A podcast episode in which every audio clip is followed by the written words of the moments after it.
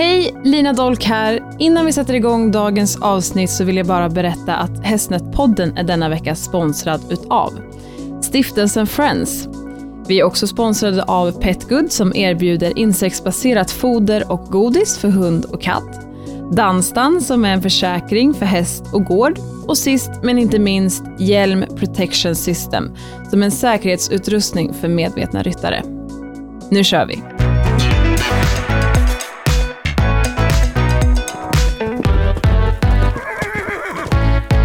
Ja Lina, då sitter vi här i fjärde poddavsnittet och eh, förra veckan så pratade vi lite om företagande och att vara anställd.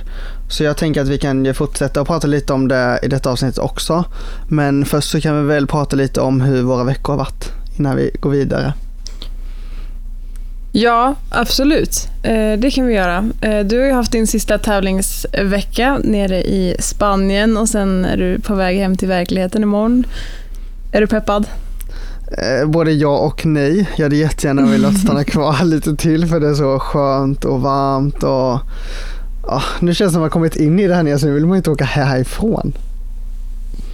Nu ser jag bara ett hörn på din lilla lastbil, men din, ditt boende där nere ser också väldigt mysigt ut.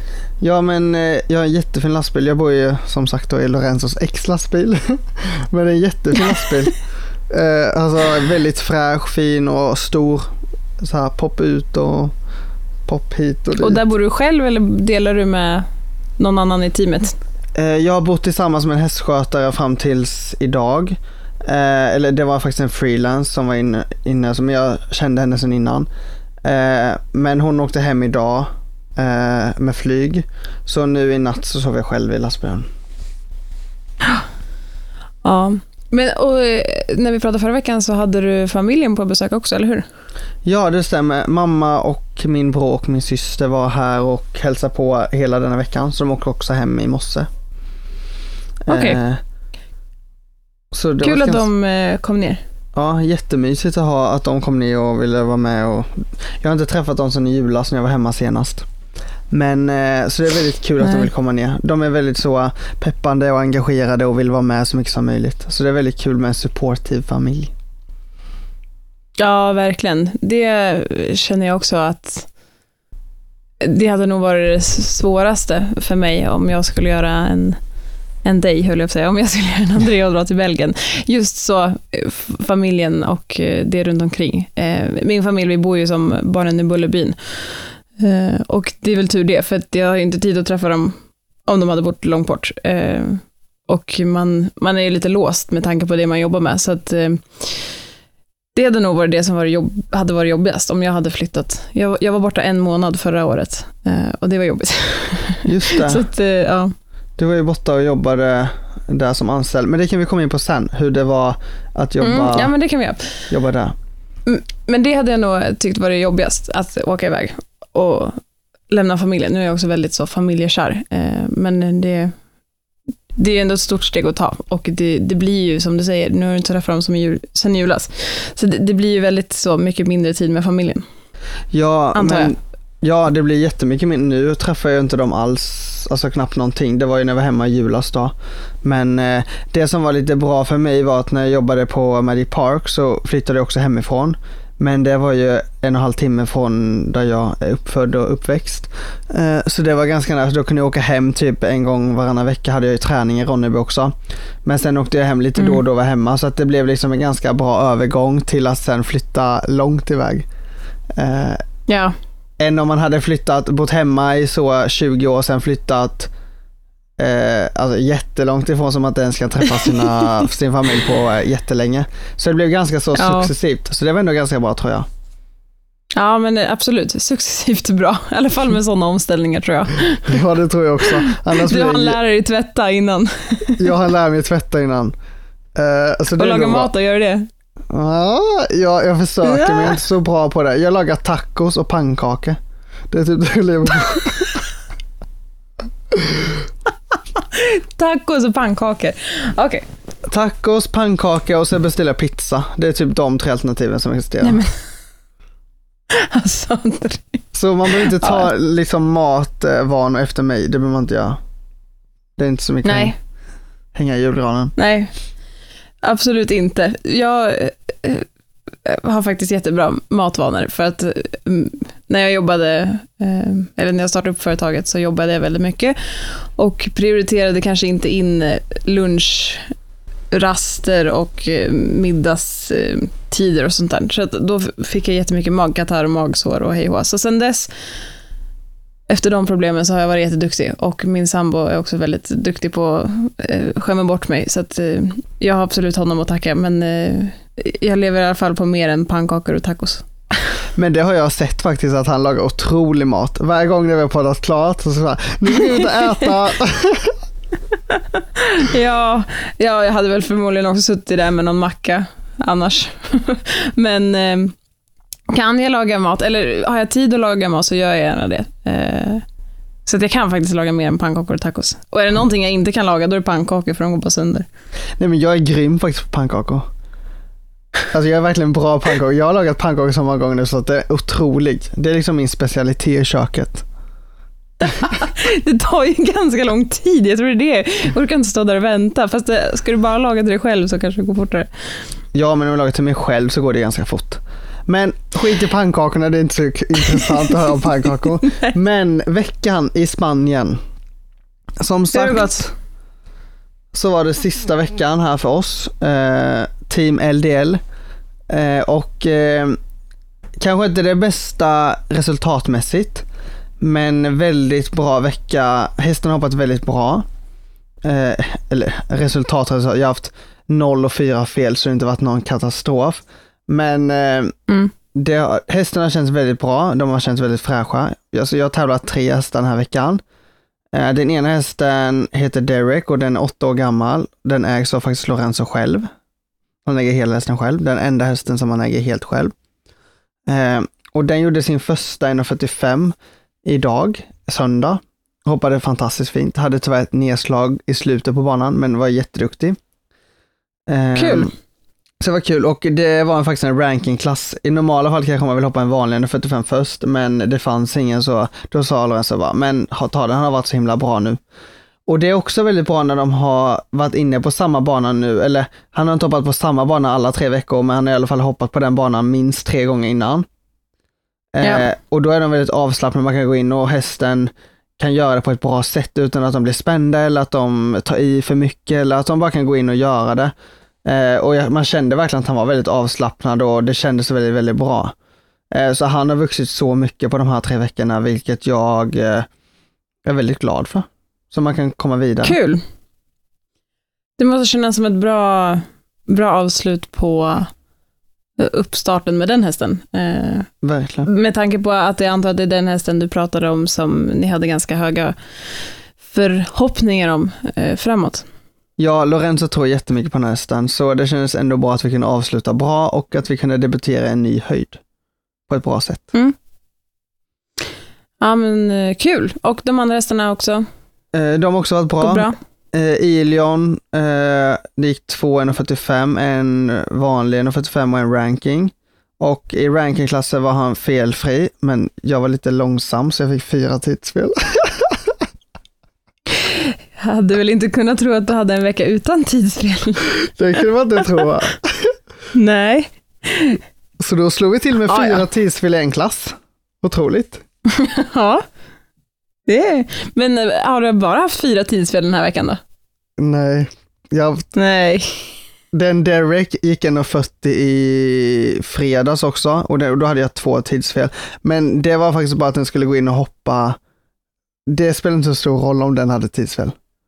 Det var bara att okay. den skulle liksom så ta sig i mål på ett bra avslappnat sätt så att den var redo för att gå 1.45 sen. Det var lite roligt för att jag som sagt började följa dig på Equip och för det första är det väldigt jobbigt att följa en hoppryttare som har så mycket hästar för att det, det har plingat i min telefon i tre veckor nu, så pling pling.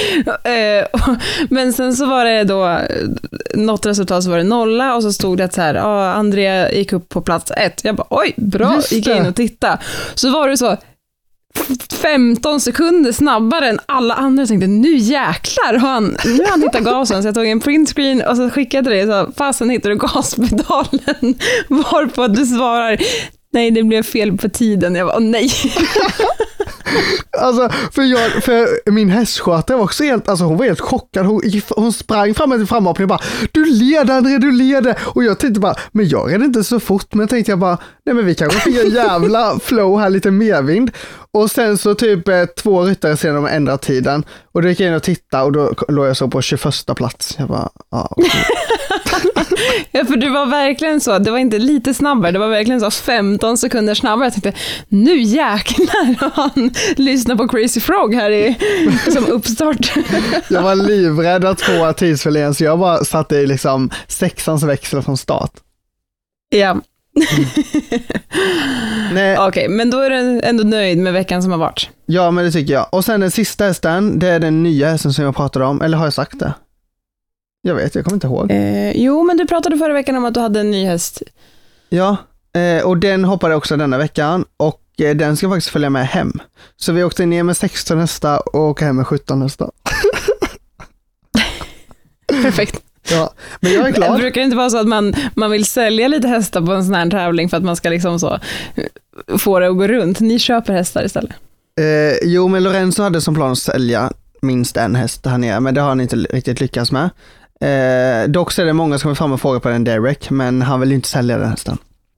Men eh, okay. den här, eh, den heter Mona Lisa då, den hästen som är den nya hästen. Men den har vi inte köpt, utan jag ska rida den åt eh, hästägaren. Okej. Okay. Ja men kul. Mm, så jättekul, få hem en eh, ny häst. Så det är ändå kul. Och hur gammal? Uh, jag tror den är 11. Ja. Uh, så det ska bli kul. Roligt. Ja, ja, men då, då håller ni på att förbereda för hem, hemfärd. Ja, det gör vi. Så jag har packat ihop allt idag. Imorgon ska jag rida några hästar på morgonen och de andra ska och åka, eller rida och rida, typ jogga lite. Så att de kan åka hem. De som är lite så, har lite överskottsenergi, för alla tävlar inte den här veckan. Så då så får de trimma, eller trimma trimma, men jogga lite imorgon på morgonen så att de inte är för pigga när de ska åka hela natten. Ja.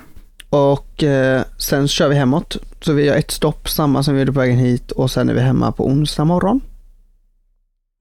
Och här kanske du också ska göra ett litet förtydligande, för du sa att du hade kört hästbuss plus trailer i något avsnitt och sen så avslutar vi avsnittet med att säga att nej, André han har inget annat än B-körkort, men du kanske ska vara lite tydlig med vad det var du körde. Just det.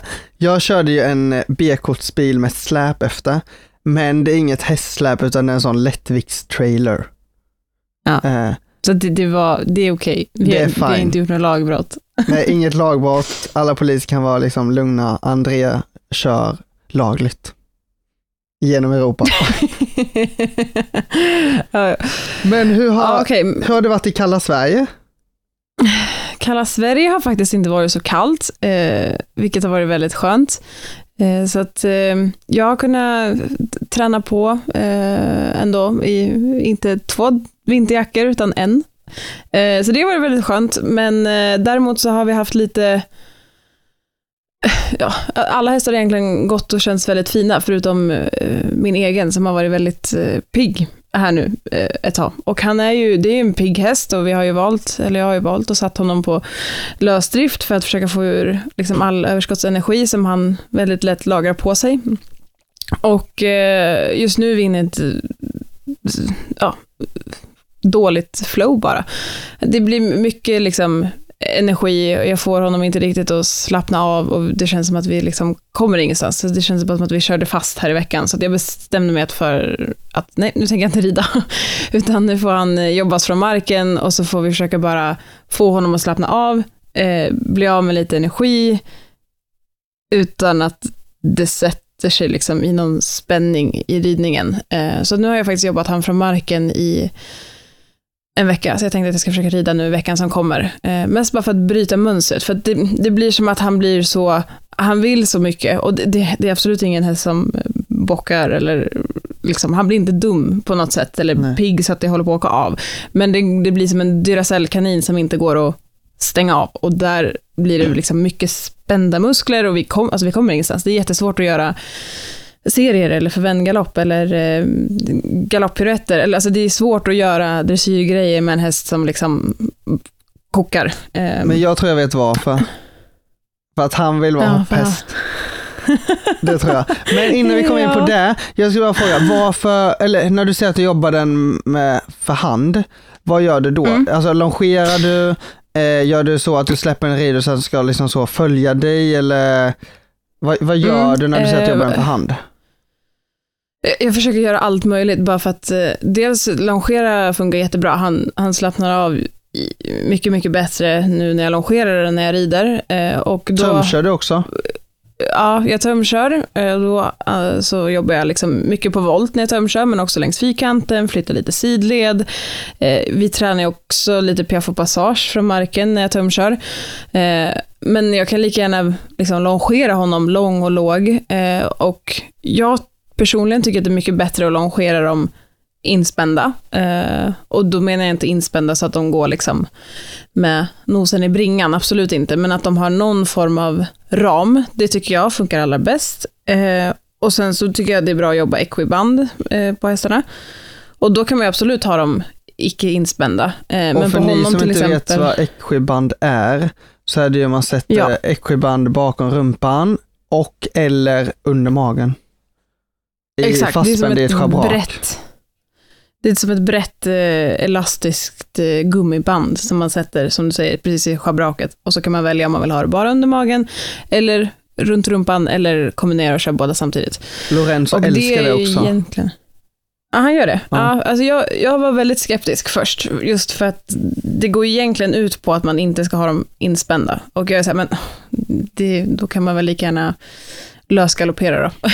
men ehm, eh, jag har blivit ett fan av det eh, sista två, tre åren och använt det jättemycket och tycker att det ger jättefint resultat. Men på då, den här hästen tycker jag inte riktigt det funkar att ha honom icke inspänd för att då, då brallar han bara iväg. Eh, men nu istället för att han bara ska gå liksom på volt den här veckan när jag jobbar honom så har jag lösgalopperat och vi har löshoppat och vi har, vi har gjort liksom lite lite allt möjligt. Eh, och eh, han löshoppar ju väldigt bra, så jag var tvungen att skicka en film. Otroligt, alltså det är det sjukaste jag sett. Alltså, ja, din dressyrhäst eh, ska komma ner till Belgien nu och bli en internationell hopphäst. ja, det, det, skulle han nog gärna vilja. Jag tänker att det gör inte så mycket om det är lite Duracell, Duracell där. Då kanske du inte får några tidsfel i alla fall. Jag visar den här filmen för Lorenzo såklart. Jag bara, oh, du måste kolla på den här filmen. Eh, och det är en dressyrhäst. Och han tappar nästan hak, alltså han var helt chock. Han bara, let me see one more time. Jag bara, okej. Okay. Is this one for sale? Jag bara, nej jag tror inte det, det är en dressyrhäst då. Han bara, what? Jag bara, ja alltså det är det sjukaste jag har sett tror jag. Alltså jag var helt, ja. alltså jag tittar på den om och om fortfarande. Det är som en gummiboll som bara liksom så, från backen, scopy, mm. försiktig och bara alltså, nej men helt amazing. Ja, han är, alltså han är helt eh, otrolig och han är så atletisk den där hästen. Eh, och det finns så mycket i honom och det är det som kanske blir lite svårt som nu när vi har ett dåligt flow med lite för mycket. Det är, liksom, det är så mycket kraft i den där lilla kroppen, man kan ju inte tro att den är 1,60. Är den bara 1,60? Ja, eller ja, 1,62. Eh, så det, det, det, är så mycket energi i en sån liten kropp och just nu så är det liksom mycket, eh, kanske inte energi, eller jo, kombination mellan energi och vilja och, och bara väldigt ambitiös. Det blir liksom lite för mycket som vill ut på en och samma gång. Eh, men jag, jag, tror kanske att det hade funkat bättre i hoppning, absolut, för där behöver han ju liksom inte gå så kontrollerat. Nej men alltså där kan jag bara så, där kan, jag kan inte få tidsfel med han då. Nej exakt, jag säger det. Du kanske inte får något tidsfel. Det kanske är han som gör så att jag inte får tidsfel längre. ja, kanske var, kan vara det. Han får bli den nya Allan, den bevingade lilla hästen. Exakt.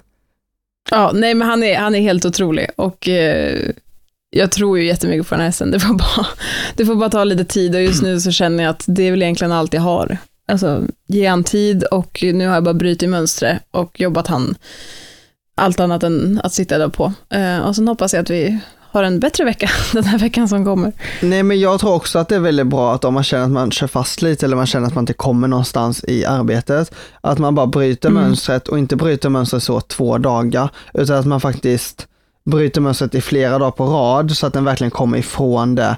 För att det känns som ibland blir det bara att man snör in sig på något och hästen för att det ska funka och sen blir det bara fel och sen förstår inte hästen, sen förstår man inte själv vad man håller på med och så blir det bara en mm. ond cirkel på hela. Då är det väl bara bättre att man gör något helt annat, till exempel löshoppa, låter den vara, springa i skogen eller alltså vad som helst så den bara får helt bryta mönstret från träningssyftet.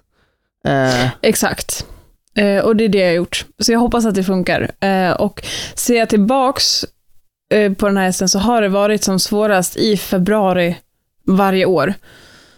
Så det kan ju vara någonting med att det är liksom lite skiftande väder. Det är liksom eh, varje vinter ena dagen och sen typ nästan vår ena dagen. Och sen att eh, de fäller lite päls och ja, det kan ju vara så att det, det hjälper till. För att nu börjar jag ändå känna ett mönster här att februari nu tre år i rad har varit svårt. Så att, eh, och jag känner också att jag har mognat mycket själv. I början var man ju väldigt stressad och man var såhär, oh shit, snart börjar tävlingssäsongen och han måste, han, måste gå, han måste gå bra och vi måste ut och tävla. Nu känner jag bara att jag vet att det är en jättebra häst eh, och jag får bara helt enkelt ge han tid. Eh, och det blir inte bättre att försöka stressa mig igenom det problemet som dyker upp, utan jag vet ju att det finns ju där någonstans och eh, jag tror och hoppas att det hjälper mig att nu bara bryta mönstret och eh, hitta tillbaks. Och alltså, jag har alltså, jobbat jättemycket med relationen bara från marken, som du säger, att jag lösgalopperar honom och sen så när man skittar av och skittar fram, att man verkligen så bygger en relation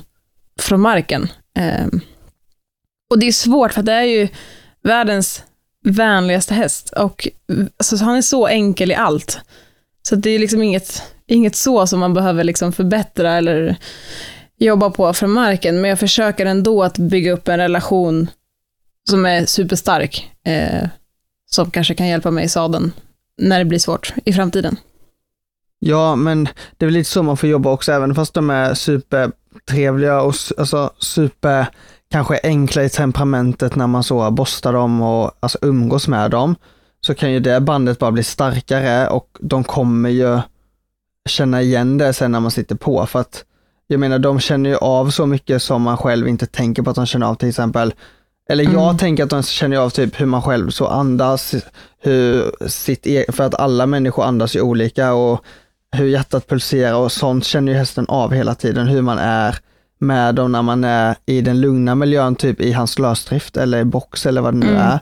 Medan mm. man är en annan person kanske när man rider, för då sitter man ju på hästen eller sitter uppe på och är kanske lite mer, så kanske man blir lite stressad för att man, ja nu måste jag bli klar här nu för nu har jag tre hästar kvar att rida och jag måste åka klockan fem och klockan är redan ett. Alltså det är flera faktorer som spelar in kanske när man väl sitter på medan när man är i boxen hos dem så är man inte stressad på samma sätt eller man, man agerar ju olika i olika situationer. Eh, mm.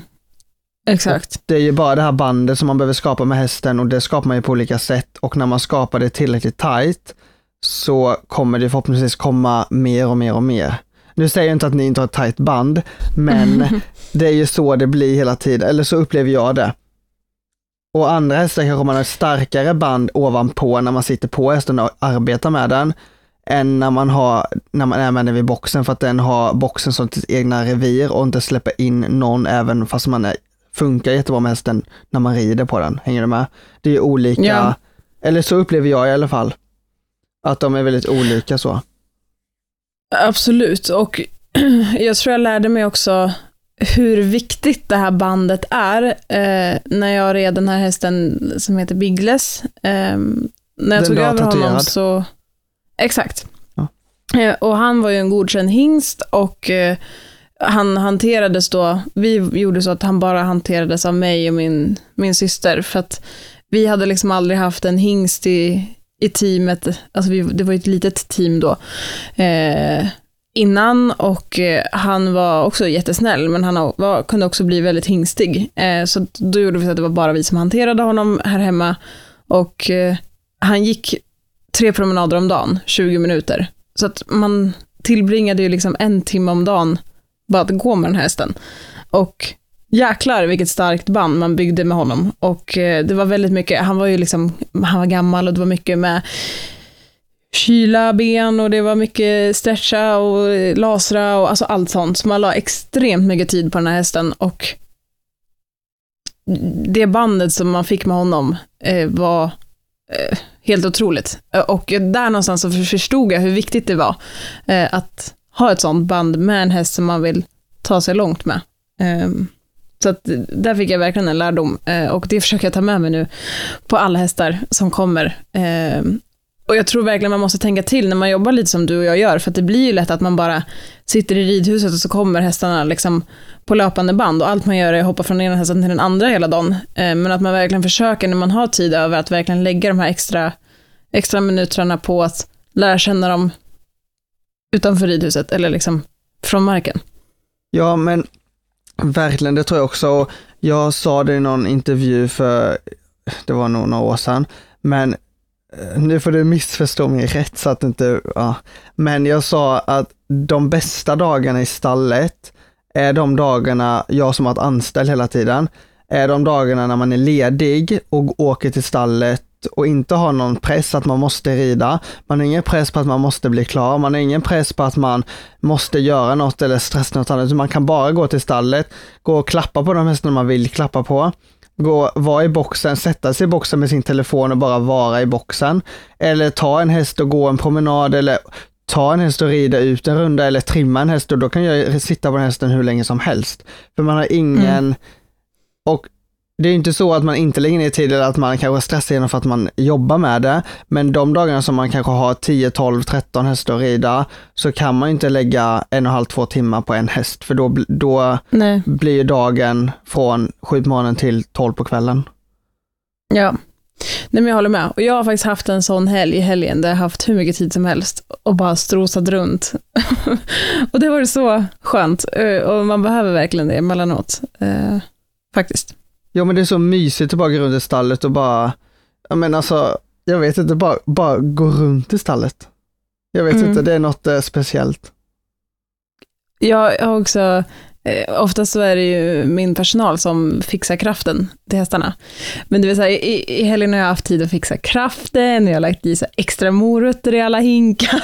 så riktigt larvigt, men det var så mysigt när man står där och fixar och donar och man putsade av någon liten hylla där. Och idag höll vi på att mocka lösdriften. Eh, nu när all snö har försvunnit så kunde man liksom passa på att röja det som var under snön, vilket var Väldigt mycket. Men att bara du vet, stå där i solen, inte ha någon tid att passa, hästarna kommer fram och man kunde stå och gosa lite med dem. Och, ja, nej, det har verkligen varit en, en eh, skön helg så, att jag har bara kunnat strosa runt. Eh, och det är ju superhärligt. Ja, och jag tror man behöver det ibland, bara så. Mm. Typ mysa omkring lite. Verkligen, man får passa på innan det drar igång eh, lite mer, i alla fall för mig. Eh, just nu är det ju två veckor kvar innan, innan första tävling och sen så rullar det på. Eh, med helger som är liksom antingen tävlingar eller ska iväg och ha träningar eller, eller liknande. Så att jag, jag försökte njuta lite extra den här helgen för att nästa helg är det Vasaloppet och sen är det tävlingar. Så att, Just det, Vasaloppet. Lina ska åka Vasaloppet. Detta fick jag reda Hon har inte sagt någonting förrän förra veckan efter poddavsnittet. Så sa hon till mig att hon ska åka Vasaloppet. Och jag blev helt chockad. Jag bara, det måste vi typ i podden. Nu måste vi liksom prata lite. Ägna fem minuter till Vasaloppet. Hur kom det sig? Vad har, har, du tränat? Vad är planen? Ska du åka själv med någon? Bara lite så korta, mm. kort fakta. Jag vill verkligen veta.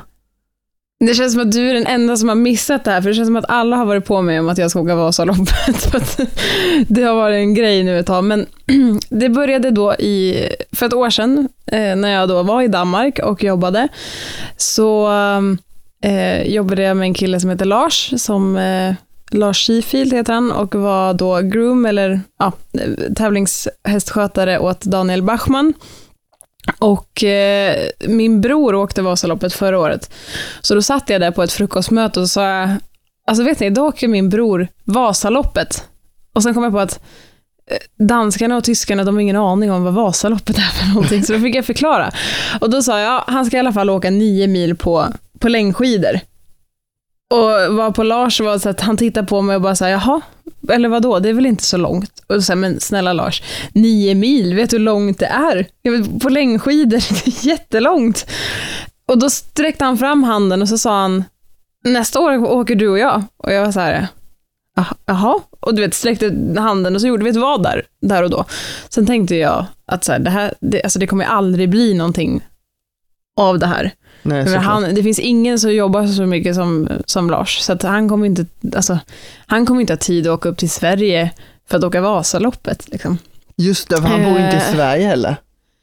Nej, och nu bor han dessutom i Tyskland sen ja, några månader, eller ja, typ nästan ett år tillbaka. Så att han eh, flyger till Sverige nästa helg och eh, vi ska ta oss upp till Mora. Nej, vänta nu, Sälen börjar man i och åker till Mora. Så att eh, Ja, alltså jag har tränat extremt lite. Alltså jag, jag har åkt jättemycket alpint eh, liksom utför eh, i hela mitt liv eh, och tycker det är jättekul. Men tänkte väl så här, ja, och då, det kan ju inte vara så stor skillnad. Men det är, alltså det är en helt annan eh, grej att gå- åka lång, längdskidor och det är skitsvårt, alltså jättesvårt. Och jag är så arg på de där skidorna emellanåt eh, och har inte tränat nu alls mycket, typ ingenting sista tiden. Så att, alltså jag har aldrig känt mig så oförberedd inför någonting som jag ska göra. Så att eh, jag försöker bara eh, ja, ta mig igenom det här och jag försöker intala mig själv att jag har i alla fall tränat mer än Lars, för Lars har fortfarande inte ställt sig på ett par längdskidor eh, och det är en vecka kvar. Så att, ja. Vänta, han, har aldrig, han har aldrig åkt längdskidor. Nej, och jag vet heller liksom inte riktigt om han förstår hur svårt eller hur långt det är. Eller att liksom Vasaloppet, det kommer ju vara vi och 16 000 människor till. Alltså han kommer få en chock. Ehm, så att det, här, alltså det här kommer bli fruktansvärt kul, eh, tror jag. Och vi ska ju då försöka åka ihop. Eh, det jag är mest orolig för är ju om vi kommer hinna. De drar ju liksom, är man för långsam så drar de ju så här rep så man inte får fortsätta. Eh, så det finns ju risk att vi, vi är för långsamma för att Lars då kanske har ramlat en annan gång. Eller att han inte tar sig Eh. framåt. Eller att han inte tar sig fram kanske. Ja, jag vet inte. Men nästa söndag i alla fall så är det jag och Lars som ska åka Vasaloppet. Och då kommer vi upp i podden nästa vecka. Så får vi se hur det går. Eller har gått. Ja, har gått. Om vi överlevde eller om vi, om vi ens tog oss i mål. Vi får väl se. Tar vi oss i mål, då, alltså, då är det jäkligt bra. Så tänker jag. Eh, men ja, det, det ska bli fruktansvärt kul. Och Lars i sig är en karaktär av dess like, så att alltså, det här kommer ju bli en upplevelse. Eh, och det är så många som engagerar sig på min Instagram och eh, ska tycka det här blir så kul. Så att jag ska försöka uppdatera det så mycket, så mycket jag kan i bildform och filmform, för att jag tror att det kommer bli eh, väldigt kul att se på. Ja, men jag är jättetaggad på att se resultatet på det här. Eh, Ja, kommer förmodligen jag kommer det inte kunna gå. Ja, alltså något fruktansvärt. du får ju Eh, det är nästan perfekt ta, att ladda upp med det. du får ju nästan ta två, två dagar ledigt efter Vasaloppet. Så att du, Ja, nej alltså. Och jag har, alltså jag har verkligen inte åkt långt. Jag alltså, inte åkt långt när jag har tränat. Eh, och jag har varit så arg för att det går för dåligt. Eh, och jobbigt där och balansen eh, trodde man att man hade med tanke på att man håller på med hästar, men nej. så ja, det, vi får se helt enkelt hur det går. Men ehm, ja, eh, det, det blir kul tror jag. ja, det kommer gå jättebra. Men du sa att du hade jobbat ihop med Lars. Mm. Eh, och vart jobbade ni ihop och eh, tell me. Eh, ja, eh, jag var ju hos Daniel Bachmann som är en av eh, Danmarks bästa ryttare, dressyrryttare. Han red i danska guldlaget på VM här nu i Herning 2022. Han har ridit liksom landslaget i många år. Och är väl då en av dem som satsar mot OS nu. Och han åkte jag ner till för att träna framförallt då, en månad i februari. Och eh, Och så du åkte ner som typ, eh, vad ska man säga, alltså inte, vad heter man, alltså, hade du med dig häst ner Ja. också?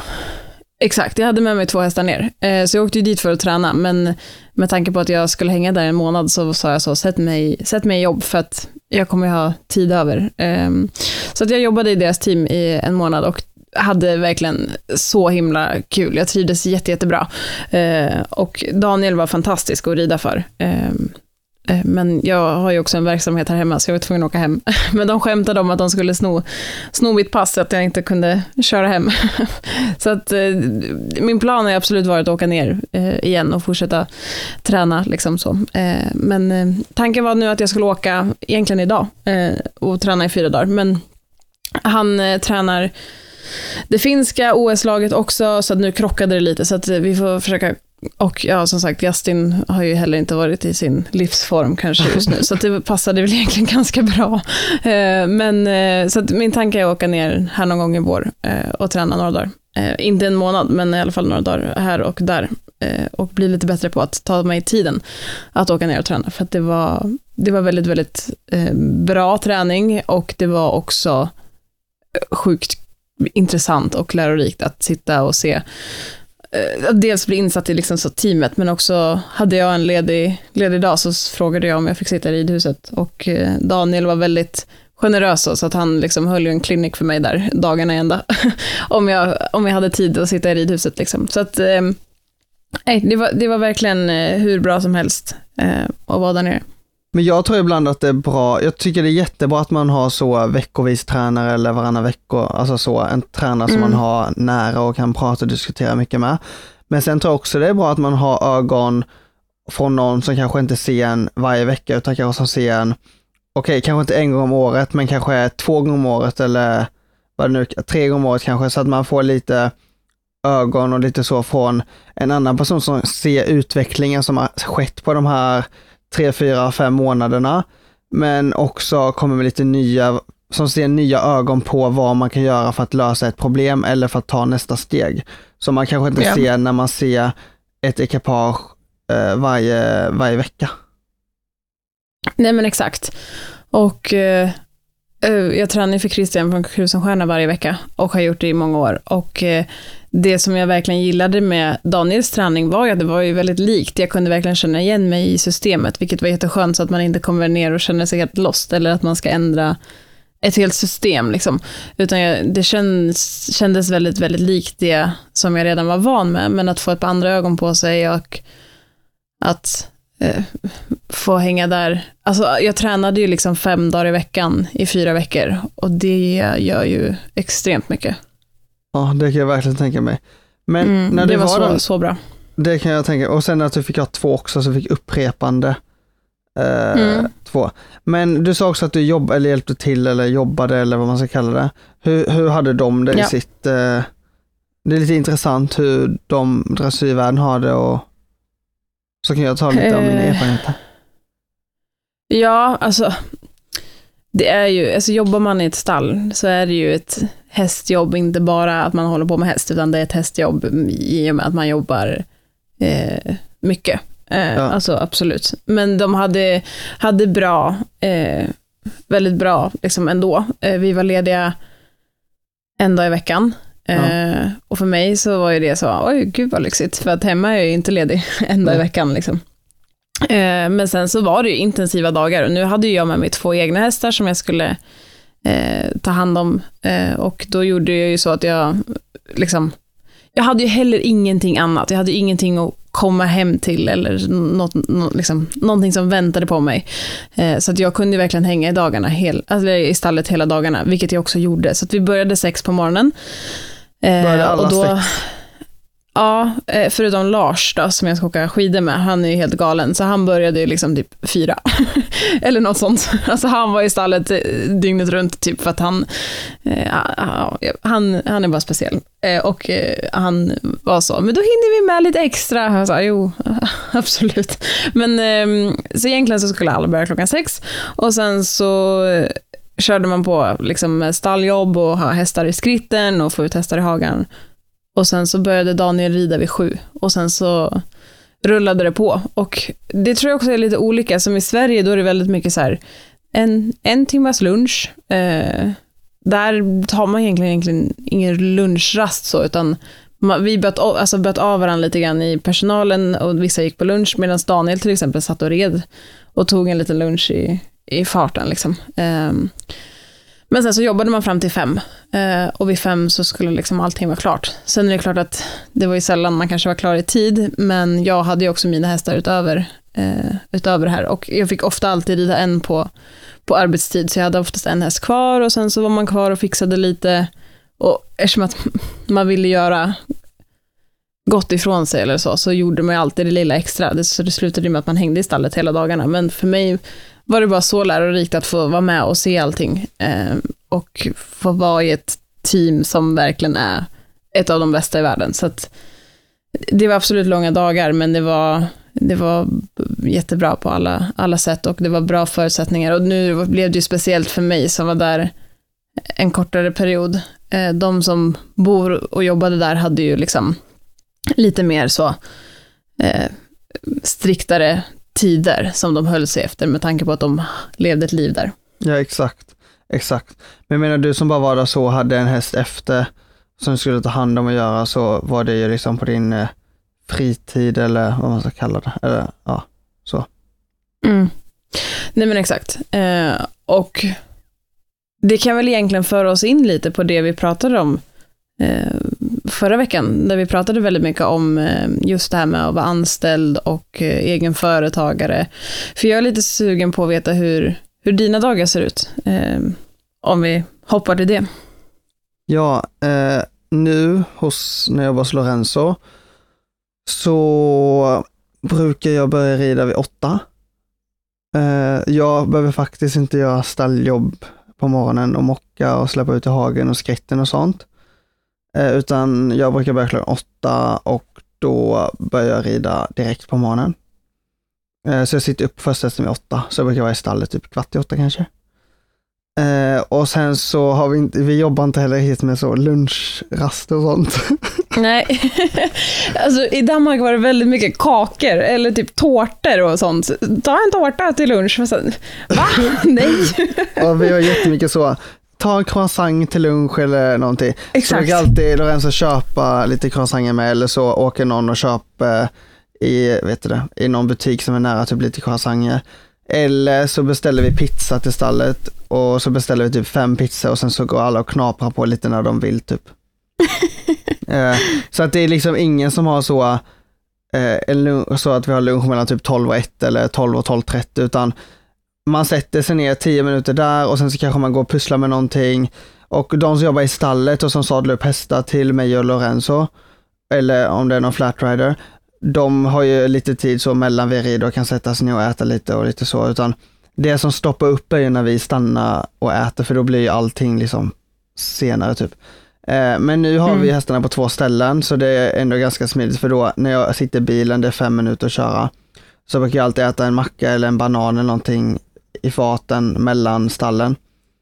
Eh, och sen tar jag väl en croissant eller en pizzabit eller vad det nu kan vara liksom så på vägen, typ när jag skrittar fram eller någonting. Eh, så att det löser sig alltid och det, vi har alltid godis, alltså det är alltid någonting man kan sitta och smaska på i stallet.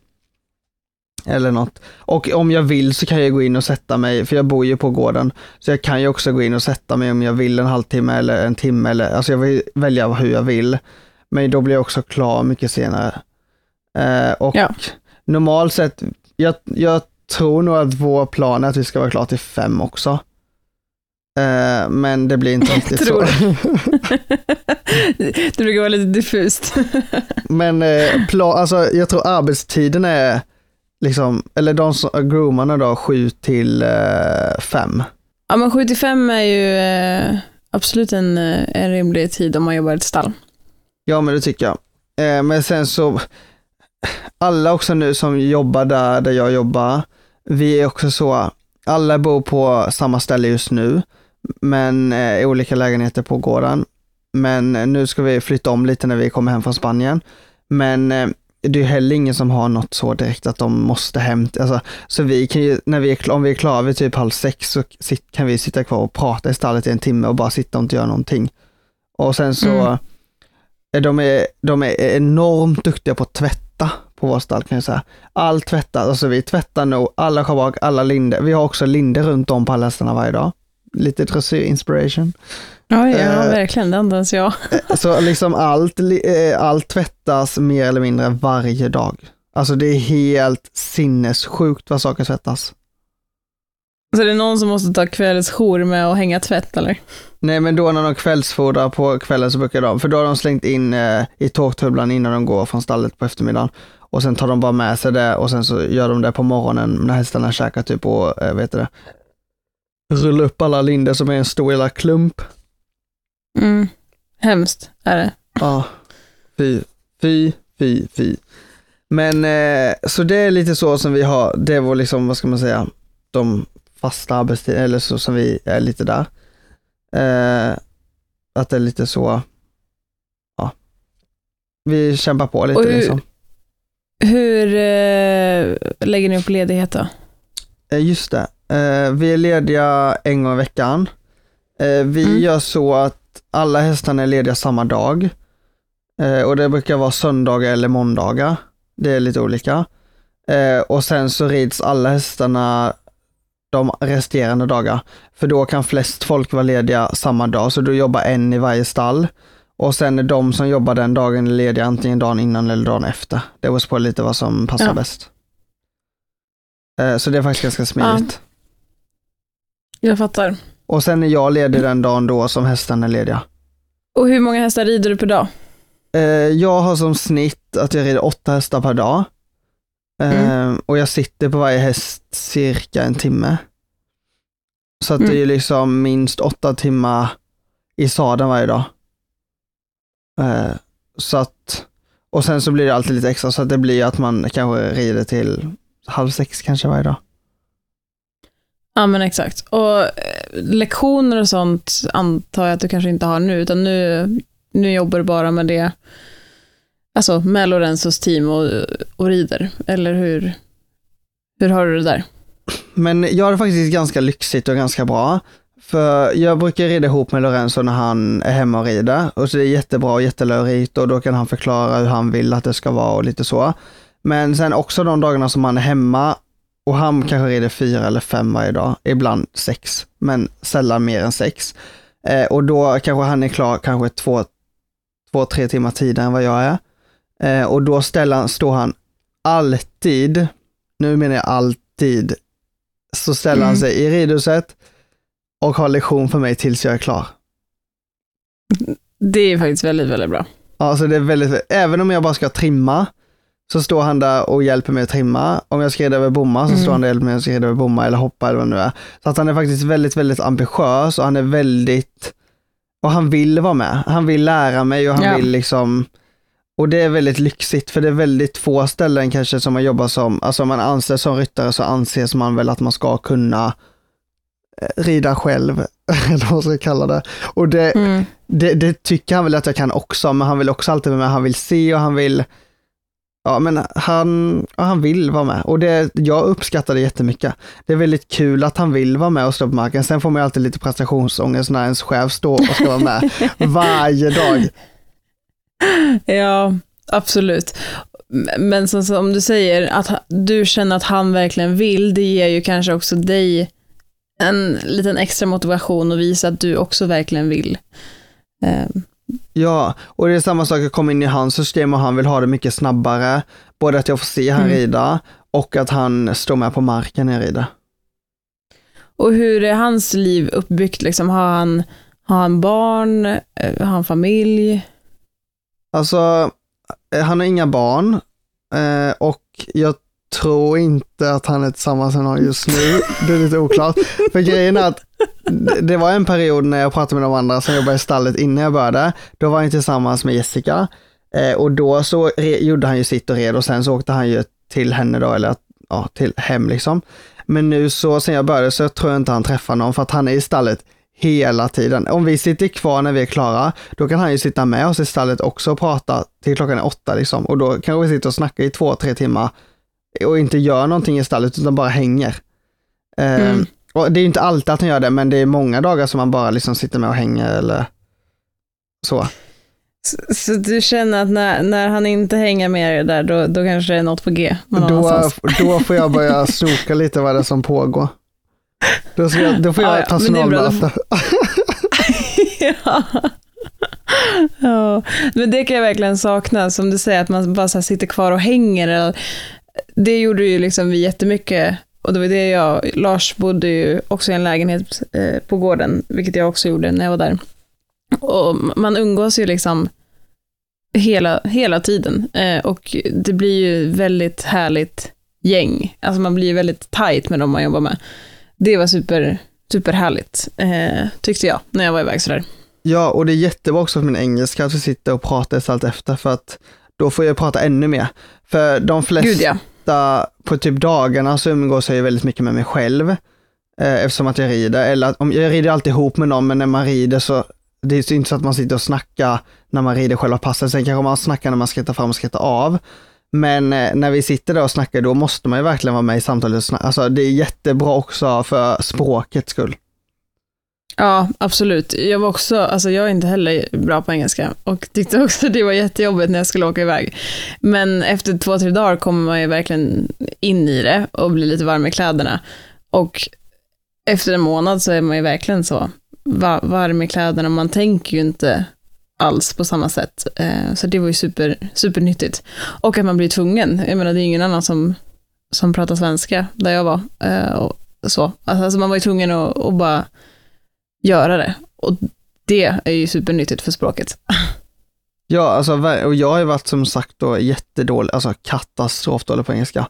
Men man lär sig så snabbt och man måste vara in, in i det och då lär man sig också fraser och alltså sådana saker så att det blir väldigt smidigt och enkelt och så man behöver inte vara bra på engelska för att flytta ner. Man måste bara våga och bara göra det och se det som en utmaning.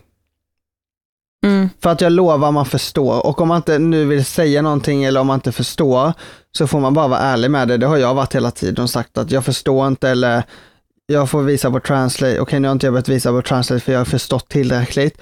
Men man får ju bara säga, excuse me, kan, you, kan du säga det en gång till eller alltså någonting. Så ja. att man inte bara lämnar det och bara låtsas som man förstår, utan att man verkligen förstår. För då kommer man lära sig mycket snabbare.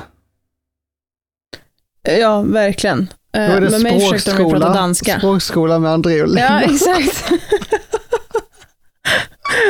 ja, är det något jag inte ska lära ut så är det nog språk faktiskt. Ja, inte jag heller. Men förstår du inte Men, danska? Nej, alltså inte ett ord. Det gick, alltså, det gick inte. Va? Men du är ju också skånsk, så att det är typ nästan. Jag är inte skånsk. Nästan... Nej, men nästan. Det, alltså det, ni, ni liksom tillhör nästan den skånska kategorin. Du låter skånsk emellanåt tycker jag. Ja, jag fattar. Jag fattar. Men, eh, ja nej, alltså danska det gick inte. Då, då stod jag som ett frågetecken. Och så, du vet, man, man är ju också dum, för då försöker man ju, alltså här, man förstå vad de säger. Och så, ja, och så säger man, ja, och så, så bara, eller vänta nu, nej, to, eh, English. English please. så att, ja, nej, vi, vi fick, eh, danskan var liksom, det var inte ens någon idé att försöka. Och sen med tanke på att Lars var tysk, eh, så han kunde inte heller danska, så det blev ju väldigt, eh, alla i teamet fick ju liksom till slut bara prata engelska, då gick det bra. Men så har vi det också, vi har ju, det är jag och en svensk och sen är det två fransmän och två italienare och en eh, från eh, Nya Zeeland, tror jag eh, mm. Eller det blir tre italienare med Lorenzo då, om man räknar. Men eh, då har vi sagt att alla pratar engelska, om det inte bara är två från samma nation som är i stallet. För att alla ska förstå och att man inte ska så prata illa om. Alltså, om man pratar så ska man prata ja. engelska, för det blir mest fine och rättvist för allihopa. Eh, och så läser alla för att det är en italiensk som jobbar som homegrown och han är väldigt, väldigt dålig på engelska och han är väldigt osäker på sin engelska. Eh, men då har vi sagt att vi, om alla pratar engelska runt omkring han så kommer han ju lära sig mycket snabbare än att de ska prata franska med varandra bara för att inte han förstår engelska. Eh, ja, ja eller verkligen. Jag och Alma då som är min groom, som, om vi pratar svenska så blir det också lite oskönt för att då kommer man ju verkligen inte förstå. Eh, så då har vi haft, har det lite som regel. Och jag tror ändå det är bra att man, när man är så olika nationer, att man håller sig till samma språk. Gud, med tre italienare i teamet känns som att det kan bli hett. Ja, verkligen. Alltså det är ju Lorenzo och sen är det ju då han homegrown, sen har vi en som, eh, han är, fast den andra italienaren är typ, han är ju typ eh, eh, elev slash ryttare. Eh, han okay. hjälper oss att mm. rida. Eh, men han är supertrevlig, han är duktig och alltså jättebra och han förstår engelska. Så det är ganska smidigt för då kan jag prata med, för han den andra italienaren då som inte förstår så bra engelska, då kan jag ju prata med en annan italienare så kan han uh, translata till italienska. Ja, just det. Uh, så att det är ganska smidigt ändå. Ja, det är bra.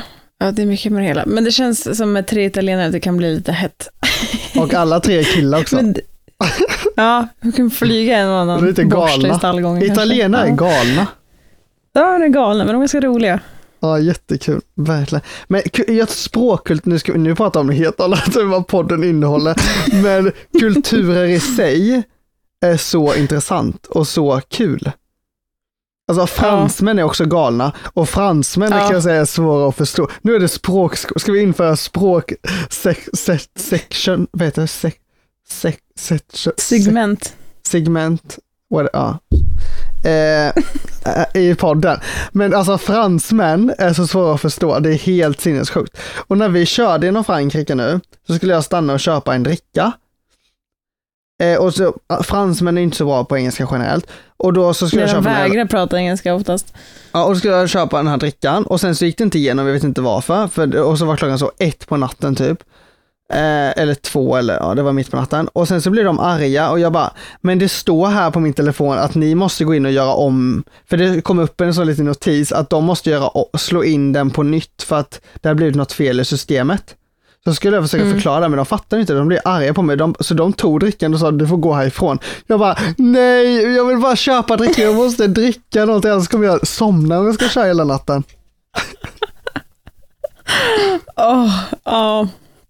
Ja, nej, det, det, det, har man ju märkt när man har varit där och tävlat. Eh, det, tyskarna kan också vara lite svåra ibland att få prata engelska, framförallt den, alltså den äldre generationen tänker jag nu. Eh, och det är oftast de som blir arga då när man försöker prata engelska. Och tyskar är också eh, så, de känns också så arga.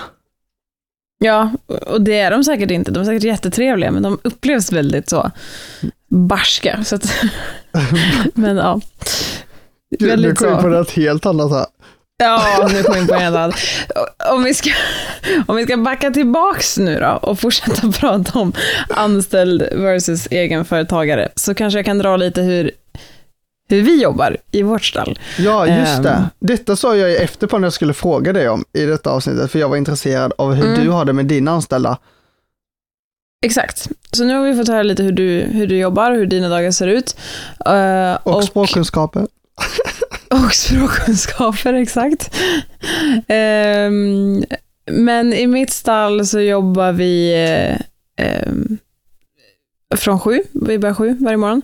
Förutom på helger, då börjar vi 7.30. Eh, så sju börjar vi och då har vi så här foderautomater. Eh, så att hästarna har liksom fått hösselage vid 5.30. Så när vi kommer vid sju, då kan vi direkt börja med att ge kraft och sen så släppa ut, släppa ut i hagar. Det är ju assmidigt ju. Det är så, så skönt. Och den fodrar jag också även kväll, så att det behöver vi inte heller göra och det är också jätteskönt för att jag är så kvällstrött. Så att alla år där vi har haft eget stall och så har jag haft liksom, klockan har ringt så halv tio typ och man ska gå upp och fodra. Alltså jag är död. Det är det jobbigaste som finns att gå upp ur soffan för att gå ut och eh, kvällsfodra. Alltså jag är så trött. Men det, så det är jätteskönt och jättelyxigt att inte slippa det. Och det betyder ju också att, nu är det för sig alltid vi, liksom jag eller min syster som har skött fodringarna. Eh, mamma kunde vara snäll och hjälpa till ibland också, men annars är det liksom bara vi som har skött det, så det har liksom aldrig legat på, på personalen. Men eh, vi börjar klockan sju och sen så jobbar då min personal från sju till 17 och då har vi alltid en timmes lunch. Eh, och Isabelle då, som jobbar hos mig på heltid och eh, jobbar eh, med mig, hon bor ju också i ett hus på gården med sin kille. Så att hon, alltså vi åker alltid hem, både hon och jag, en timme på lunch. Och det gör vi liksom alltid. Oavsett, vi ser alltid till att vi får in liksom en timmes lunch. I alla fall personalen. Men jag tror att det är egentligen ganska bra och väldigt alltså, nytt eller inte nyttigt, men väldigt bra för både kroppen och för huvudet att man kommer ifrån eller om man sätter sig i fikarummet i stallet eller någonting och bara sätter sig ner och bara får liksom pausa från det. För att annars blir det bara att man är så uppe i det och man springer bara runt och man bara är liksom så. Så jag tror för liksom, för om man ska jobba med det länge och man ska, det ska vara hållbart för alla, både ryttare, hästskötare och hästägare och whatever, allt. Så jag tror att det är väldigt bra att man bara pausar, i alla fall i 45 minuter att man bara så mm. sätter sig ner eller kommer ifrån eller vad någonting och sen så att man får energi så att man orkar hela eftermiddagen. För hästarna skulle också. Ja, verkligen. Och framförallt så här på vintern när det är kallt och det är blött, alltså bara få komma in i värmen ordentligt och kanske hem och byta om eller sådär. Jag, jag gör ofta så att jag kommer hem eh, oftast eftersom jag jobbar väldigt långa dagar så är det ju inte jag som tar hand om det här hemmet. Så jag brukar alltid försöka på lunchen att typ så tömma en diskmaskin eller slänga på en tvättmaskin, alltså göra någonting så lite snabbt. Men sen så sätter jag mig alltid typ framför tvn och eh, käkar lunch och bara chillar eh, innan jag går ut igen. Och det är jätteskönt också eftersom att jag jobbar mycket sena kvällar med lektioner så är det jätteskönt att få en, liksom, ett break på dagen. Um, det värsta är efter lunchen, för att då är man så seg. Ja, alltså, så komma igång, men efter fem minuter ute så är man igång. Men just bara så här och så, och hej, nu tar vi tag i, i dagen igen. Um, men så så gör vi, vi tar alltid en timmes lunch och sen så jobbar min personal till 17 och oftast är de klara alltså innan. Så att halv fem, fem, kvart i fem liksom. Det, ja. det, det, är liksom väldigt få gånger man kan, eh, som man jobbar över. Eh, och det, det känns skönt för mitt samvete. eh, så, att, så, så jobbar de och de är lediga två dagar i veckan eh, och sen så får de rida sin häst på arbetstid. Och sen så rider de lektion för mig två dagar i veckan. Eh, så att jag hjälper dem inte varje dag. Eh, men de rider alltid på arbetstid. och sen så då två dagar i veckan så är det en lektion för mig. Men det är jättebra. Så det är bra. Eh, och sen jag själv eh, börjar oftast mina lektioner vid halv fem eh, på eftermiddagarna. Så att de gör alltid klart det sista i stallet. Eh, mocka hagar eller visitera hästar eller så här. Sista halvtimmen där när mina lektioner börjat. Så att jag smiter och har mina lektioner halv fem och sen så brukar det fortgå hela, hela kvällen. Typ. Men har du eh, lektioner varje dag? Mm, jag har gjort så att jag eh, har inte lektioner nu på, på helgerna. Eh, men sen blir det alltid, alltid någon lektion här eller där eller man hjälper någon elev på någon framridning. Liksom. Eh, men jag, jag försöker inte ha lektioner på, på helgerna. Eh, och sen så på fredagar försöker jag kanske ha lite mer lektioner dagtid så att jag kanske har någon på på eftermiddagen, så att jag ändå är klar typ i halv, halv sex eller något sånt. Så att jag ändå ja. liksom får, får gå hem eh, lite tidigare. Och sen på helgerna jobbar jag ju sällan. Alltså är hemma och jobbar så jobbar vi också till liksom absolut senast fem. Eh, vi brukar vara klara där halv fem, fem. Ja. Så då, då är det ju inga sena kvällar. Men eh, måndag, tisdag, onsdag, torsdag, då är det alltid, alltid lektioner. Men har du alltid lektioner hemma då, eller har du, åker du iväg ibland också? Eh, men jag åker iväg en dag i veckan eh, och har lektioner och sen så har jag resten av lektionerna hemma. Men nu har jag också så att eh, jag har några hästar i ett stall eh, en bit bort, fem minuter bort. Eh, min min svägerska, svägerska där som jag pratade om som ägde den här fina unghästen. Så hon har köpt en gård tillsammans med min bror som ligger fem minuter härifrån. Så där rider jag några hästar och sen så brukar jag ha lite lektioner där. Så där är jag liksom två eftermiddagar. Men ibland har jag lektioner efter det hemma på kvällarna. Så att, ja, eh, jag kan säga att jag har hemma tre, tre dagar, fyra dagar, förlåt. Eh, och sen så jag, åker jag en dag. Och sen helgerna har jag inte lektioner. Så att det blir ganska långa dagar. Jag jobbar alltid från sju till typ sju, halv åtta. Jag är alltid så himla fans av egenföretagare. Det är otroligt. ja, visst är det. Och så när man är ledig så, inte två dagar i veckan. och jag är också dum, för att jag, jag kan ju absolut vara... Oj, eh, nu slog jag på stativet och blir Isak arg. Eh, jag har redan fått utskällning så det är lugnt. Ja. Gud, nu målar vi upp Isak som... Eh, eh Nej, Isak är världens bästa. Inte, han är världens bästa. Men han blir arg. Det varit en podd med två håll... virrpannor här. Nu pratar vi men det var också, då också arg. Och sen blir han arg om man ja. håller på stativet. Mm. För det får man inte göra. Nej, jag skulle absolut kanske bli bättre på att vara, vara mer ledig än vad jag är, men jag får någonstans ha dåligt samvete när jag är ledig. eh, inte för att min personal tycker att det, alltså så, du borde jobba, absolut inte, utan det är mer bara att man jag vet inte, ständiga dåliga samvetet, det är väl folk som har barn liksom. När de inte är med barnen så har de dåligt samvete, även om barnet eller barnen har det jättebra hos mormor, morfar eller farmor, farfar eller hos någon annan liksom. Jag vet inte, det kanske är samma, samma känsla. Ja, men det blir väl lite så att man vill ju vara och se att hästarna mår bra, att de har det bra mm. och man vet egentligen att de har det bra. Men ibland kan jag också, typ om man ledig någon dag, nu har jag det väldigt bra där som att jag har ju en dag ledigt i veckan. Men eh, då kan det vara ganska så, alltså då, även fast man inte behöver så kan det vara ganska skönt att bara gå ut och titta så att hästarna mår bra och sen så är jag nöjd och då kan jag gå in igen, eller vad det nu kan vara. Ja, nej men jag håller med. Och eftersom att jag bor liksom alltså på gården, det är väldigt lätt att bara smita förbi och det är jätte, jättetrygghet. Eh, och de, alltså, de har det ju verkligen eh, bra, även fast jag inte är där och jag litar verkligen på, på de som jobbar i stallet. Men det är, det är väl så, man är väl lite knäpp, men man, jag måste nog bli bättre på att alltså här, kunna ta ledigt fast jag bara är hemma kanske. Ofta så är man ju ledig om man ska iväg för att man ska göra någonting, men ibland så kan det vara nyttigt att bara, bara vara hemma. Jag brukar ju se alla, alla tävlingshelger som man har få hästar som ledighet. Jag vet inte om det är så bra. Vad sa du nu en gång till? Jag brukar se mina lediga dagar, alltså om man jobbar väldigt mycket, om man inte har riktigt fått ihop lediga dagar som man ska, så brukar jag se mina tävlingshelger när jag har få hästar som, ledig, som, ledig, ja. som ledighet. Exakt, jag med. Alltså verkligen. För då är man ju borta från stallet liksom. Eh, då känns det som att man är ledig. Ja, nej jag håller med. Eh, och jag tror det är också därför så här, man, man eh, åker iväg och tävlar, man åker iväg och har lektioner. Eh, och då känns det som att ja, men då måste jag ju jobba. Och det blir ju så. De, alltså jag är iväg och har träningar en helg. Då, då kan jag ju inte komma hem och ta ledigt, för jag menar, då har jag varit ifrån hästarna, så jag måste hem och rida. Så det, det, det blir ju det blir att man får jobba mycket liksom, och det men, är ju det vi har valt. Eh. Ja, men det är ju också som en, det är ju inte heller som ett jobb-jobb. Det är ju mer som en livsstil blir det ju. Ja, verkligen. Eh, 100 procent. Och eh, man får ju bara se till att man träffar någon som tycker det är bra.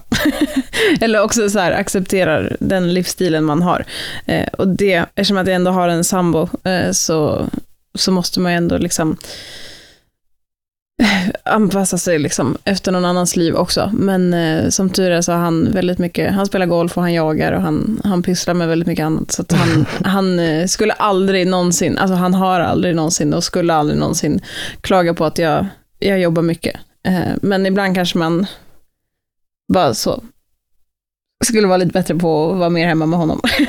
ja, men också så om man är egenföretagare som du, det som är skönt och det som man också kan ha på samvetet är att jag kan ta två dagar ledigt om vi vill åka iväg och hitta på någonting. Alltså, man mm. kan göra det om, alltså om du känner att ja. du verkligen vill, eller att ni bestämmer någonting, så kan du alltid ta två dagar ledigt, åka iväg åt spa eller whatever. Eller åka till ja, Solstan eller ja, vad man Det nu är ju på. verkligen ett plus med att vara egenföretagare. Jag behöver ju inte gå till någon chef och begära ledigt, utan jag styr det helt, helt själv och det är ju verkligen eh, lyx. Eh, att kunna göra så. Ja, och det är jätteskönt. Och än så länge alla gånger jag har frågat om jag får åka hem, jag har varit hemma två gånger i Sverige, sen jag flyttade ner, så jag har fått åka hem. Så det är också bra. ja, det är skönt. Ja, nej, så att, men så har vi det upplagt och... Eh... Det låter som ett väldigt bra system och väldigt bra ja, upplägg. Alltså, jag är väldigt eh, stolt, får man säga så. Eller jag är väldigt nöjd med hur mina anställda har det. Och det tror jag man ska vara som, eh, som chef. Man ska liksom inte känna att så här, oj, de får jobba mycket, eller liksom, det är inte fair så som de har, utan eh, jag tycker att mina anställda har det eh, väldigt bra och jag hoppas att de verkligen trivs med, med det de har. Och de är superviktiga för mig, men jag hoppas också att de gör det lika mycket för sin skull. Eh, och många, alltså, Isabella då, som jobbar nu, hon har ju liksom med sin egen häst, så att det blir mycket liksom att de, de gör det för sin skull också, för sin resa med sin häst. Ehm, så att eh, jag är jätte, jättenöjd med hur, hur upplägget ser ut för dem ehm, och det känns skönt. Och det är väl ändå skönt om man är om man har anställda, att man känner att man gör så mycket som det går åt dem, så att de känner sig nöjda och glada. Och då känns det som att de kommer ge lika mycket, eller så känner jag i alla fall. Typ till exempel mm. att Lorenzo nu står och att han ger sin tid till mig. Då är det klart att jag gillar det extra när, han, när jag känner, även att jag är anställd av han, så att han ger sin tid till mig och ställer sig där och vill vara med och hjälpa. Då är det klart att om han frågar mig om jag kan rida en extra häst eller göra något extra, då är det klart att jag kommer säga ja till det. Ja men precis, exakt. Eh, och så känner jag med min, min personal också. Skulle det krisa någon dag så vet jag att de alltid, alltid ställer upp. Och nu är det Isabelle då som, som har sin häst här och, och jobbar liksom heltid. Men sen har vi en, en kille som heter Jörgen som jobbar måndag till fredag eh, och hjälper oss med mockning och lunchfodring och sådana saker. Så att vi behöver heller inte eh, mocka på vardagar, vilket är väldigt, väldigt lyxigt. Att bara kunna lägga tiden på hästarna. Och sen så har jag Eh, min syster Elin som eh, jobbar en dag i veckan bara för att hon, alltså hon vill. Hon, hon jobbar egentligen på ett annat jobb, men hon vill vara mer, mer i stallet. Eh, så då har vi gjort så att hon jobbar en dag i veckan. Och sen så har jag två tjejer som är timanställda som jobbar liksom eh, inte på rullande schema, utan de har liksom en helg här och var. Eh, och täcker upp då när Isabelle har sina två lediga dagar. Ja, det är jättebra. Så att, eh, ja, nej, det, så har vi det. Och vi hade ju frågor vi skulle prata om, men alltså vi har pratat nu i över en timme, så att jag vet inte. Språk, vi har pratat språklära. Vi kanske kan dra en, en fråga eh, lite snabbt, vilket jag tyckte ändå var så eh, eh något att tänka på. Och då var ju frågan eh, formad så att behöver man vara en rik person för att starta en hästföretag med tanke på att man satsar väldigt mycket pengar och hur mycket eh, budget måste man gå in med. Och absolut inte, man behöver inte vara en rik person för att starta ett hästföretag, men man behöver ha en plan och man behöver veta eh, vad saker och ting kostar. Eh, men man behöver absolut inte vara rik. Eh, och vill man bli rik så kanske man inte ska starta ett hästföretag. Uh, nej, jag tror inte heller om man vill berika ett sånt hästföretag. Men jag tror också att man ska väldigt, eh, ta reda på lite information, lite fakta, hur mycket saker och ting kostar, så man har lite koll. Uh, fråga runt, uh, skaffa lite kött på benen och sen bara kör. Mm. Och sen så kan man ju lägga upp det på lite olika sätt. Antingen så frilansar man, eller så har man en enskild firma eller ett aktiebolag. Alltså man får ju liksom sätta sig ner med någon som kan och sen så behöver man liksom ta hjälp med hur, hur man går tillväga och hur man ska lägga upp det och, och vilken, liksom, vad som passar just det du tänker göra, vad som passar bäst. Och sen eh, tror jag också som du sa i förra podden, att som ditt företag, företag är uppbyggt på många olika pelare eller många olika ben. Så att inte om ett mm. ben faller så fallerar inte hela företaget, utan då har du ändå tre ben till att stå på. Jag tror också det är väldigt bra att bygga upp eh, ett företag på, eller ett hästföretag framför allt, för att det är så himla lätt att det faller och då får det inte rasa. Då måste det fortfarande kunna vara vid liv. Ja, exakt. Och att man kanske, så som jag också gjorde, att man, man jobbar lite extra. Man behöver ju liksom inte säga upp sig eh, på det man jobbar på idag som anställd för att starta hästföretag direkt, utan man kanske kan gå ner lite i tid och så, så kör man liksom båda eh, parallellt ett tag, eh, om det är möjligt. Ehm, så att man liksom har en liten, liten så säker inkomst på ett annat håll också. Eh, så att, men jag satte mig faktiskt, alltså det här är ju pinsamt att jag inte har gjort det tidigare, men jag satte mig ner eh, förra veckan, eller om det var två veckor sedan, och eh, gjorde så, eh, liksom två eh, dokument. Ett dokument med så, fasta utgifter i månaden och sen ett dokument med fasta inkomster i månaden. och att jag inte har gjort det tidigare, det är jättekonstigt, men eh, jag kände att gud, nu när allting kostar så mycket med foder och spån och, och allting så måste jag ha liksom lite bättre koll och jag måste också så här, tar jag tillräckligt mycket betalt för att eh, nu när alla priser har gått upp så mycket så, ja. så måste man ju någonstans så följa det eh, så att man inte så står och går back. Och det var ganska intressant eh, att veta. jag vet inte varför jag inte har gjort det tidigare, men eh, det är också, se till att sätta dig ner och se vad, vad kommer liksom hyror, eh, försäkringar, löner, alltså allt, allt som pengar ut i månaden, hur mycket blir det på ett ungefär? Och liksom hur mycket måste du jobba för att få det att gå runt och gärna liksom plus. Eh, men som tur var så, så, så, såg det bättre ut än vad jag kanske trodde. Så det var ju, det var ju bra. Att det, såg så. det var ju bra. Så att jag behövde liksom inte ändra någonting, så det var ju skönt. Det var ändå men skönt att, att jag inte gjorde det tidigare är konstigt. Ja, ja, men verkligen. Men man blir ju mörkrädd när man börjar räkna på eh, framförallt foderpriserna nu. Eh, de är inte roliga. Nej, och ströet också va? Mm. Och vi har ju alltid, alltså min pappa är ju eh, lantbrukare, så att jag har ju alltid alltså, haft det jättebra med att få, eh, alltså i princip så, alltså nästan gratis, ja. eh, halm och hösilage. Eh, och nu blev halmen så dålig i år, eh, vilket gjorde att för det första räckte den inte och för det andra så var jag försinkig med hur den såg ut, så att jag ville inte ha den. Eh, så att eh, de liksom få balarna som blev bra, de tog jag liksom till, till lösdriften, men hela stallet så satte jag på, på spån. Och det kostar ju skjortan, insåg jag. som ja. har bara, du vet, kunnat öst in och ut med halm. Nu måste man helt, någonstans börja tänka till vad man tar i och ur boxarna. Ja. Eh, och sen så, höselaget har vi alltid tagit eget. Eh, och det räcker inte. Eh, så nu har jag fått köpa hösselage från och med nu till i sommar. Och eh, det är också en helt galen kostnad när man har ett stall på lite hästar. Jaha, det kan, ja, det kan jag tänka mig och det var samma på alla stall jag varit har det varit väldigt mycket hästar. Eh, mm. Och man vet ju vad en balle kostar och man vet att det går åt i alla fall en balle om dagen eller två. Ja, att, verkligen. Så tittar man på deras hemsidor där det står att det går åt en till två balar i veckan man tänker att nej, det gör det verkligen inte. Det är en till två balar ja, om nej, det är helt otroligt. Ehm, det är verkligen guld de står på, de där små djuren. Ja, men, men du, nu blinkar mitt batteri här.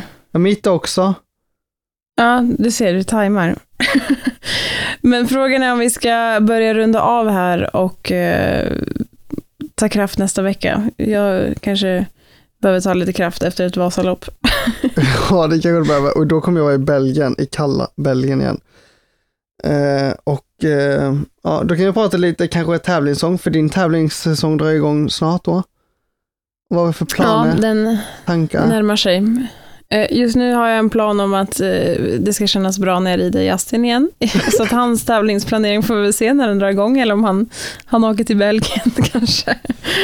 Men ehm, ja, vi får se helt enkelt hur, eh, hur vi lägger upp det. Men ehm, vi har mycket att prata om och det känns väldigt skönt att tiden bara springer iväg när vi Verkligen. sitter här och poddar. Men tack så jättemycket för idag Lina och så hörs vi nästa vecka igen. Tack själv André och kör försiktigt hem. Det ska jag.